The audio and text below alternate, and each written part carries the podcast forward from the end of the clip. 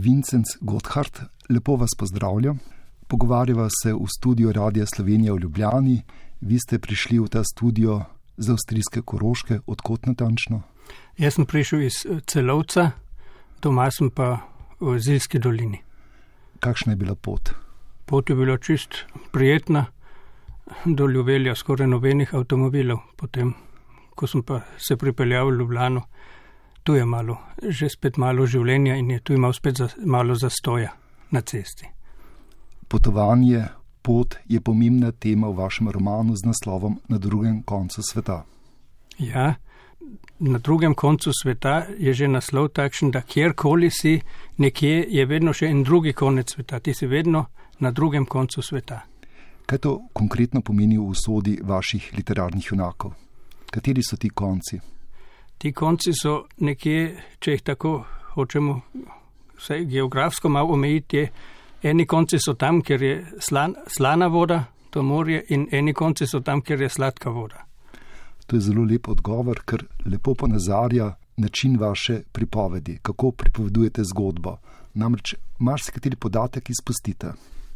Ja, to sem pa nalašč tako naredil, da ni, niso poimenovani noveni kraji, razen eden, to je pa ta kraj, odkudar tale uh, glavni junak prihaja, to so pa moste, ampak ne zaradi tega, ker je to ravno tisti kraj, ampak ker gre za most, besedo most tuj. Ta kraj moste obstaja. Kje je ta kraj? Ta kraj je v Zilski dolini. Zelo zanimivo je tudi to, da vaši literarni junaki, precejšen del romana, nimajo imena. Ne, nimajo imena in samo glavni junak ga potem dobi. In sem dolgo iskal, kako bi mu dal, kakšno ime bi mu dal. Sem se pa pole odločil, da vzamem eno tako ime, ki je tudi eh, pravzaprav izhaja iz mojega imena, Vincent Gotthard, a ne, je mu pač ime Vinc Hart z DT na koncu. Kot ste sami nekako omenili, je to ime zelo podobno vašemu. Kolikšni meri je mogoče ta roman autobiografsko delo? Malo nekaj takih autobiografskih momentov je tale umetnik, eh, glavni junak, prihaja z ene narodne skupnosti oziroma z dežele, kjer sta doma dva jezika in tisti njegov materni jezik, glavni jezik, tega je vedno manj, ta umira. Seveda s tem, da pa je teh eh, domačih, njegovih domačih besed vedno manj, zato se tudi ne počuti več doma. S tem je tudi vzeta domovina. Ti lahko komu, če mu vzameš besedo, mu vzameš tudi domovino. Ne? In zato pač hodi po svetu. In če je doma, se pač spet od, mora spet oditi, in če, če pa je druge na kakem drugem koncu sveta, mora spet priti domov, ampak on nikjer nima več eh, pravega doma. Ste to usodo svojega literarnega junaka uprli na družbeno dogajanje na avstrijskem Koroškem? Ne, to, to ne. Sem hotel v ta roman spraviti eno tako temeljno melodijo, da bi bravke in bravci dobili en občutek, kako gre enemu pripadniku ene narodne skupnosti. Tu pa zdaj ne gre za koroške slovence ali pa slovensko narodno skupnost na koroškem, gre za vse narodne skupnosti. Če samo Evropo pogledamo, je ja 40 milijonov prebivalcev Evrope so člani narodnih skupnosti. In vsi ti imajo pa skupno to, da je iz dneva v dan pravzaprav manj, manj teh pripadnikov. Vedno, če se zjutraj zbudijo, je spet eden nehal govoriti ali pa niso dali jezika naprej. In to seveda boli. Oziroma, ne bi rekel boli, ampak to je ena velika skrb vsakega, ki je, ki je pripadnik narodne skupnosti, da, bi, da ne bi izumrli. Ne? Kako vi osebno doživljate to skrb? Jo, ta skrb je seveda treba videti v tem, da se, besede, te, da se te besede dajo naprej naslednjim generacijam tuj. Če se doma ne govori, nam je nobena šola nič ne bo prinesla. To se mora doma govoriti. Če se v šoli slovensko učiš, se učiš, ampak tebi manjka tisti občutek pa navezanost na ta jezik. Vam je to uspelo? Imamo občutek, da ste predali jezik naslednji generaciji? Ja, to, to seveda mojim staršem je uspelo, pa meni je tudi uspelo, seveda pa ne vem, kako bo šlo naprej. Otroci obe govorita slovensko seveda ne, tudi zilsko nareče. To bi tudi hotel povdariti. To mi je zelo važno, ker pravzaprav je, prihajam z zile, to je tisto narečje, na, na Koroškem oziroma sploh v, v, v, na slovenskem, če tako gledamo, ki ima najmanj pripadnikov govorcev. To, to, je, to še tu. Bi nam kaj povedali o zilskem narečju, prosim? Ja, ko pa najrečen. To je pač naj, naj, najlepši špraha na svetu, ker tu sem doma že živelo, pa tako živelo tudi z množe, to te kaznajo. Hvala za vašo najlepšo špraho. Gospod Gotthard, roman Na drugem koncu sveta je vaš prvi literarni tekst, ki ste ga objavili. Pa me zanima, zakaj ste se lotili pisanja? Ja, eno knjigo sem pravzaprav hotel že vedno napisati. Ker sem si mislil, nekaj mora biti napisanega, da lahko kaj ostane tudi. Ne gre za to, da ostane zdaj vsem v spominu, kaj je v romanu napisano. In tudi najbrž ne gre za to, da ostane kak stavek, to je tudi težko, ampak mora jim ostane kakšna slika ali pa nekaj, en občutek. Ne? Razpoloženje. Eno razpoloženje, ja. To sem hotel napisati, ampak jaz sem že vedel, da če bom tako knjigo napisal, pol mora biti v tej knjigi prid do, do veljave voda, mora priti v knjigi do veljave. Kruh, pol mora priti do veljave v knjigi tudi, uh, morajo priti barve oziroma umetniško ustvarjanje in pa seveda tudi mora priti do besede malo tudi to, kako je, če nekaj izginja, ampak to ne pomeni, da, da, da, da je to nekaj negativnega, ampak ko iz tega potem nastane nekaj zelo dragocenega lahko ko, ko pač ljudje, vsi ti moji junaki, ki tu nastopajo, ja, vsi izgubljajo. En izgublja glas, drugi izgublja črke uh, in tako naprej. In, ampak potem iz tega, kar je še ostalo, pa lahko pa naredijo najboljše. Oni niso žalostne osebne, osebe. Odkot ta njihova moč, da niso žalostne ob izgubah? Vse te osebe so ja nekaj ustvarile v svojem življenju. In to, če zdaj knjigo verjemo, pri, počasi prihaja na dan. Naprimer, tale umetnik je seveda umetnik, ampak nihče ga ne pozna, vsi pa vedo, v, v, da je v najpomembnejšem muzeju na svetu, da so tam njegove slike. Oni za slike vedo, za njega pa ne, ampak počasi je zdaj stopi on v središče. Ne. Kakšna pa je usoda njegovih slik? Usoda njegovih slik je, da postanejo še dragocenejše, Pravzaprav so jih je ukradli iz muzeja, izrezali z okvirom, ampak nekaj je še ostalo in potem ostanejo v tem muzeju ti okviri na steni. In ti so sedaj še dragocenejši. Omenili ste temo umetnosti v svojem romanu in tisto, kar je zanimivo, je pravzaprav, da ko pišete o umetniških mehanizmih v sodobnem svetu, da ste nekako nekoliko tudi humorni, ne bom rekel posmehljivi, nekoliko kritični. Ja, jaz zase lahko rečem, da se malo na, te, na to stroko spoznam, sploh kako mislim, da malo vem, kako umetniški trg funkcionira. Ne? In jaz sem še vedno prepričan, da, da, da najboljše slike seveda niso razstavljene v najbolj, najbolj pomembnih muzejih. Mislim, da se da, da se da še nekje ne, še pomembnejše slike. Ker ima to vse skupaj so taki mehanizmi, ker če en nekdo reče, to je najpomembnejša slika, bo naslednji tudi rekel in to gre tako naprej. In poznam cel kup uh, ustvarjalk, pa ustvarjalcev, ki jim ne uspe ta korak v javnost, ampak imajo dobra dela. To pa vem, ker sem sam urednik nedelje, to je časopis koroških slovencev in tam imamo kulturno prilogo in v tem časopisu vedno predstavljamo takih od mladih umetnic pa umetnikov uh, njih dela eni, enim uspe, drugim ne. Ampak to ni, to ni naša naloga, da mi odločamo o tem, a bo ta uspel ali ne bo uspel. Za nas je važno, da, da to objavimo. Če bo kdaj dobil za to kako veliko nagrado v svetovnem merilu, se bomo mi lahko pobahali, da smo ga pač predstavili, že tedaj, ko ga še nihče ni poznal. Vrniva se k vašemu romanu z naslovom Na drugem koncu sveta. Ena izmed odlik vašega romana je tudi ta, da je besedilo zelo zgoščeno, zelo intenzivno, hkrati pa nekako nežno, da zelo diskretno prehaja iz situacije v situacijo. Je bila to zavestna odločitev za ta tip pisanja? Najzavestnejša odločitev je bila ta, da, bom, da želim napisati to zelo na preprost način. Ker jaz, jaz, jaz sem imel pred seboj vrabce na, na koroškem, te naše koroške slovence jaz nisem hotel komplicirano pisati. Seveda, zgodba je kompleksna, ampak stavki morajo biti, so morajo biti kratki, razumljivi. In mislim pa že, kot, kot ste rekli, da je to zgoščeno napisano. Ja, to že. Zelo lepi, diskretni so tudi prehodi iz prizora v prizor. Bralec, ko bere vaš roman, ima občutek, kot da drsi skozi nek svet, kot da gleda film. Ja, sej, če sedaj sam to knjigo gledam, ja vidim, da je to je nešteto prizorov je v tej knjigi. Jaz sam prihajam tudi iz fotografskega, meni so slike važne, ampak seveda slika lahko tudi pripoveduje zgodbo. Ne? In to so malo tudi tako opisi tudi slik in to so tudi slike, ki seveda jih nosim jaz že celo življenje seboj.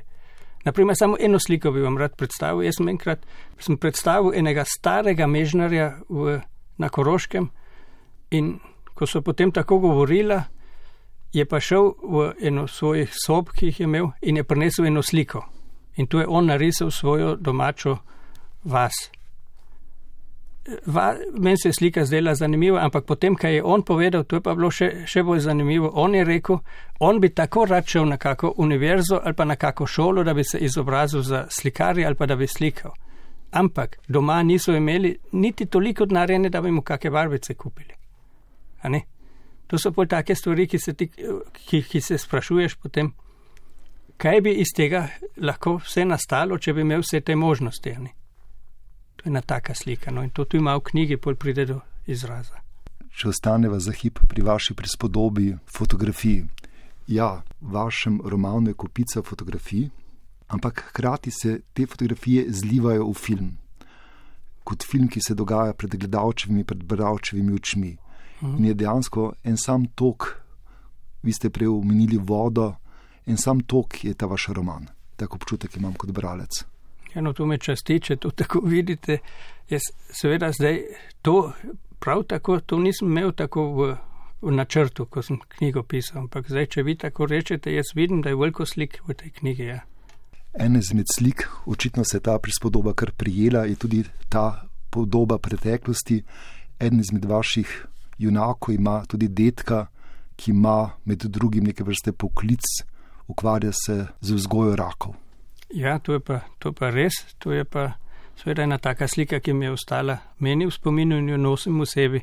To mi pa prababica oziroma babica je pripovedovala o svojem očetu, ki je gojil rake v Preseškem jezeru, v Zilski dolini. V enem času, ko so se vsi za glavo prijemali, kaj pa boš zdaj gojil rake. Ampak on je te rake on je dobavljal na cesarsko-kraljevski dvor na Dunaju. On jih je gojil in so jih potem z vlakom peljali na Dunaj in v teh hotelih so te rake jedli. In že takrat, desetletje v preteklosti, se v teh prizorih pojavi tudi tema, kako nekdo izgubi jezik, ko vstopi v neko hišo, ko predaja, ko kupuje rake. Ja. In ta tema je skratka res skoraj da vodilna nit vašega romana, ena izmed njih. Ja, to je tudi eno tako izgubljanje. No, to sem, to sem hotel opisati. Tale občutek, ki ga, ima, ki ga imajo člani narodne skupnosti. T, t, a, veste. In seveda to se dogaja v tem času, ko, so, ko je iz popolnoma slovenskega kraja, zdaj če, če, če ostaneva pri pradedu, ko je iz popolnoma slovenskega kraja v teku stoletjih postal popolnoma nemški kraj. Tam ne najdeš tam ne najdeš več nikogar, ki bi slovensko govoril. In to ni daleč od naše vasi, ki je s mestoma. Kako je v vaši vasi? V naši vasi je še nekaj družin, ki slovensko govorijo in seveda me pa zelo veseli, ker sta se zdaj rodila dva otroka, en je kot let, dve leti star, pa en štiri in govorita spet doma pristno, zilsko narečje, se učita tudi slovensko in ker je pa oče iz roža, govorita tudi rožansko nareče slovensko. In babica od njih je pa doma iz porjune, tako da ne boš bo itak vse, vsa nareče znali. To, so, to je zdaj ob tem romanu, če tako rečem, se nam življenje gre naprej. Če ostaneva pri tej formulaciji, življenje gre naprej. Kaj to pomeni konkretno? Prej ste opisali sosedsko vas, bližnjo, kjer se je vas v stotih letih posem spremenila?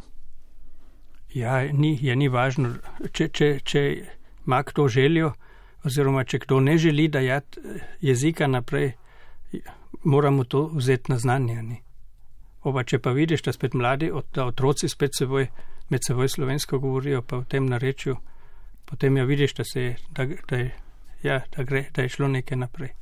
Prej smo se že pogovarjali tudi o tem, kako izpuščate imena junakov, neke konkretne lokacije zgolj opišete, ne pa da jih bi jih tudi poimenovali. In ena izmed redkih kulturnih referenc na začetku romana je tudi neka pesem, nek skoraj da ljudski napev, ki pa ni ljudska pesem. Kakšno vlogo odigrajo takšne kulturne reference v vašem romanu? Naprimer, pesem Mojcej. Ja, pesem Mojce je na Koroškem izredno znana pesem, ki jo je pravzaprav napisal en kmet, harmoniziral en kmet, to je bil Pavle Kernjak. In seveda, eh, če smo pa zdaj tule v Ljubljani, to pesem je po svetu ponesel slovenski oktet. Če še ostaneva pri tej pesmi, vi jo menite bežno v nekem svojem kratkem poglavju. Kakšno vlogo naj bi ta pesem odigrala v pripovedi? Ma tu pravzaprav nobene vloge, tu gre samo za eno tako melodijo, ker mislim, da ta melodija je kar mnogim, vsej slovencem, še v ušesih. Mojce, jah, mojce, vzema manne. Boš vidva, boš vidva, dan čabu. Ne bo se jokava, ko bo se vdava, boš lažava, se z mirom smejava, je sobo.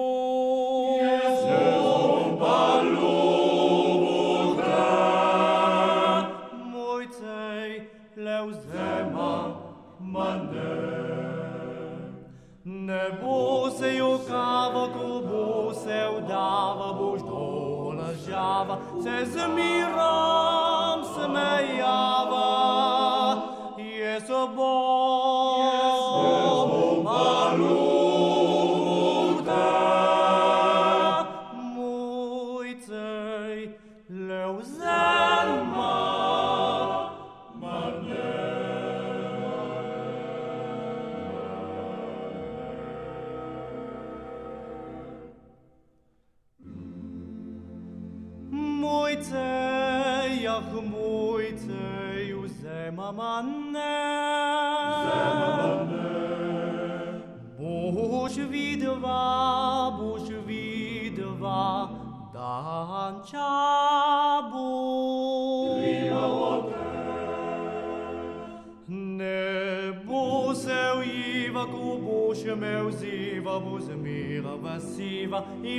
in pesmice piva, Jezu Bog.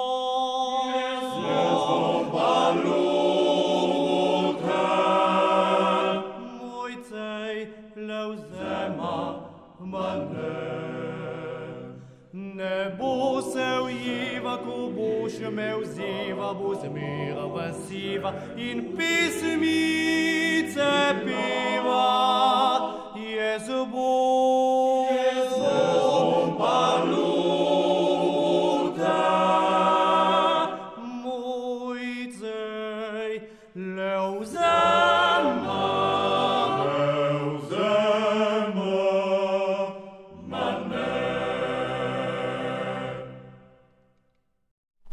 Vincent Gotthard, pogovarjava se o vašem romanu z naslovom Na drugem koncu sveta. In o romanu in še o čem drugem ste nam že marsikaj povedali. Bi nam prosim zdaj prebrali kratek odlomek iz romana. Zdaj sta tu. Nekdanji kulturni minister in umetnik sta v mestu. Takšen je bil podpis pod fotografijo. Bil je eden redkih trenutkov, ko je bral o samem sebi začel je razmišljati, kdo bi to bil. Je ta, o katerem pišejo, on ali je kdo drug. To da bilo je čisto jasno. Na fotografiji je bil on s nekdanjim ministrom za kulturo. Fotografirala ju je mlada študentka umetnosti. Velika fotografija je bila na naslovnici pomembnega časopisa. Tudi vsi drugi časopisi so objavili fotografijo. Fotografinja je fotografijo prodala pravi agenciji. Na dolgi poti razmišljanja se je izgubil. Ni več vedel, kje je. Sonce je sijalo skozi vele zavese na posteljo, zraven je bila njegova torba, ob njej slika, ki je ni potopil v morju, in vse skupaj se mu je zdelo zelo neresnično.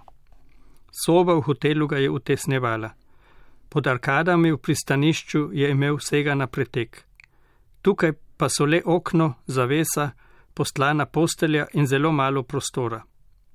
Nekaj časa je spal. Ob njem so bili časopisi, ki mu jih je izročil nekdanji minister.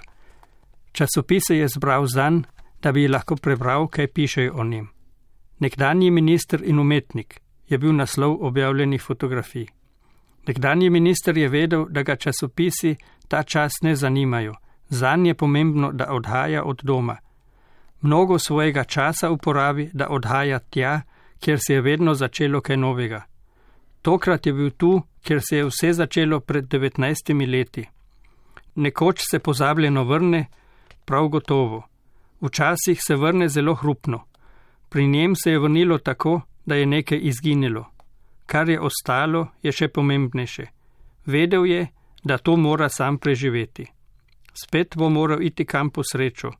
To, kar se mu zdaj dogaja, ni sreča. Vsakdo vidi samo slike, ki jih ni. Slik čistijo alge, ki so se na njih nabrale v morju. Nikjer ni nobenega pogleda na drobne slike, ki imajo možnost, da postanejo najboljše slike sveta. Take slike nastanejo danes in bodo dragocenejše od mojih. Kdo zdaj išče slike, ki bodo jutri najpomembnejše? Galerije in muzeji mlade ustvarjalce samo odslavljajo. Vse, kar ostane, se zgodi zato, ker se zgodi kaj nepričakovanega. V glavi ni bilo miru. Mislil je na fotografinjo. Predstavljal si je, kako so v muzeju nekako prisiljeno vzeli njene fotografije in jih odložili v predal. Veš, boš morala še malo delati na sebi, so ji najbrž rekli. Ovenem pa so iskali nekdanjega ministra in umetnika in niso vedeli, kako blizu je prišla fotografinja nekdanjemu ministru in umetniku. Ni se mogel načuditi nesposobnosti, ki ne vidi odličnosti del, ki jih kdo ponudi kaki galeriji ali muzeju.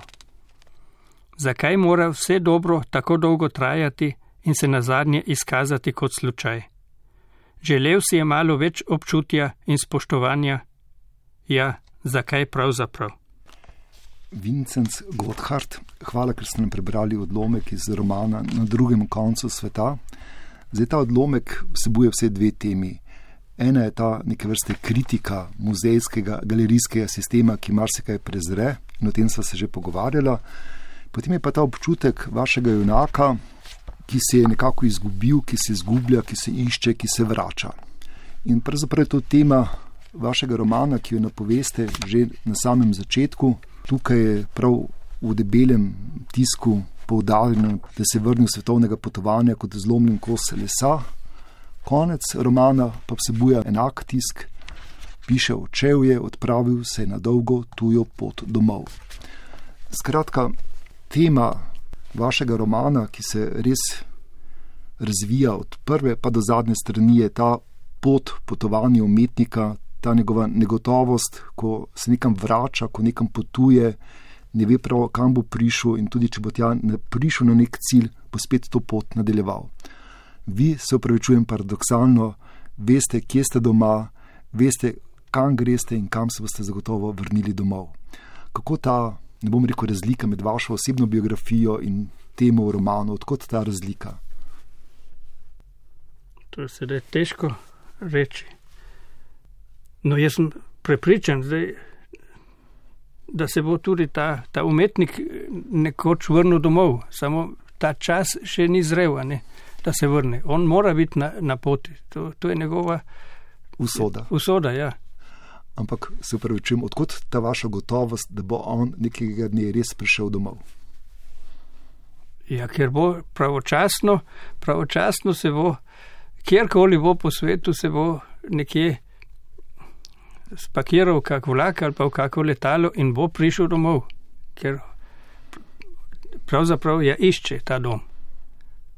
In ga bo našel. In ga bo seveda našel, ker bo tudi spet več, rečemo, več teh besed, ki jih ima tako rad, bo spet tam, ker jih bo, ker jih bo enostavno našel zato, ker jih bo bolj iskal. Skratka, izguba mu bo pomagala, da bo nekaj našel, da bo to praznino zapolnil. Ja, tako je to rekel. Ja. Kako ste ustvarjali ta roman? Ja, ta roman sem ustvarjal tako, da sem si enkrat rekel, zdaj, boš, zdaj napišeš ti enkrat en daljši tekst. In potem sem se odločil, da zjutraj pač vsak dan ob treh vstanem in potem grem, potem grem pa tri ure pisati. In to sem delal dva meseca dolgo. In seveda, delo je prišlo potem, ko moš stvari zbrisati, krajšati, kako besedo dodati, kaj črtati. In seveda, nekaj nekaj pa pri tem nisem pazil. Jaz sem, ko sem začel pisati, sem vse moje tekste pisal še starim pisalnim strojem. Ne? In če si tam kaj popravil, si vedno lahko spet šel pa pogledal, kaj si popravil. Ne? Vsega tega zdaj tu ni. Ne vemo, kakšen je bil izvirnik. Ste komu brali nastajajoči tekst? Ne, jaz sem, ga, jaz sem samo, ko sem imel to tako daleč uh, nared, sem to dal hčerki za brat, pa moji ženi, Martini in pa še ta drugih hčerki tuj, te so to preverjali, ampak tere še ni bilo nič lekturirano, pa nič. Kaj so rekli? Niso rekli, one so samo brali in se včasih malo čudili. Sveda njih problem je bil, ker so me preveč povezovali s tem tekstom. Ne? In to je tudi dobro, če me nihče ne povezuje s tekstom. Ker tekst, pravzaprav sem hotel takšen tekst napisati, da je ga možno prevesti v francoščino, angliščino in kljub temu funkcionira.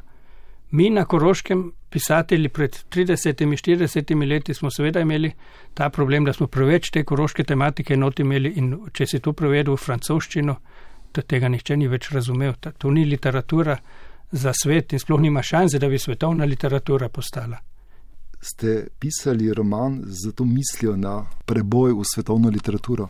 Ja, kje pa? To je, to je. Tako močnih sanja sploh ni, da bi, če s tem namenom pišeš, da boš kje, kake, da boš kje nominiran, pa boš kakšne nagrade pobral, potem mislim, je vse skupaj velik neuspeh. Glede uspehov, vaš roman je nominiran za Kresnika. Kaj vam ta nominacija pomeni? Jo, to meni že veliko pomeni, ker s tem se tudi pokaže uh, tale kresnik oziroma tale prireditev potem na rožniku. To je ena, ena lepa prispodoba za skupni slovenski kulturni prostor. Je vedno kak slovenci iz Italije, tu je bil kdaj nominiran, Lipuš Florian z Koroške je bil nominiran in so bili pa ja tudi pisatelji iz uh, slovenski pisatelji, ki po svetu živijo, tudi že nominirani. In da je to ena taka, eno tako sidrišče, uh, tale kresnik ko se pač za eno leto vidi, kaj so najboljša dela. Ne. Ta, ta itak morajo potem iti v svet in se ja vidi, a obstanejo ali pa ne. Povedali ste nam, kako ste se ustali ob treh zjutraj in pisali roman. Kaj pa potem, ko ste roman dokončali, kakšni so bili občutki?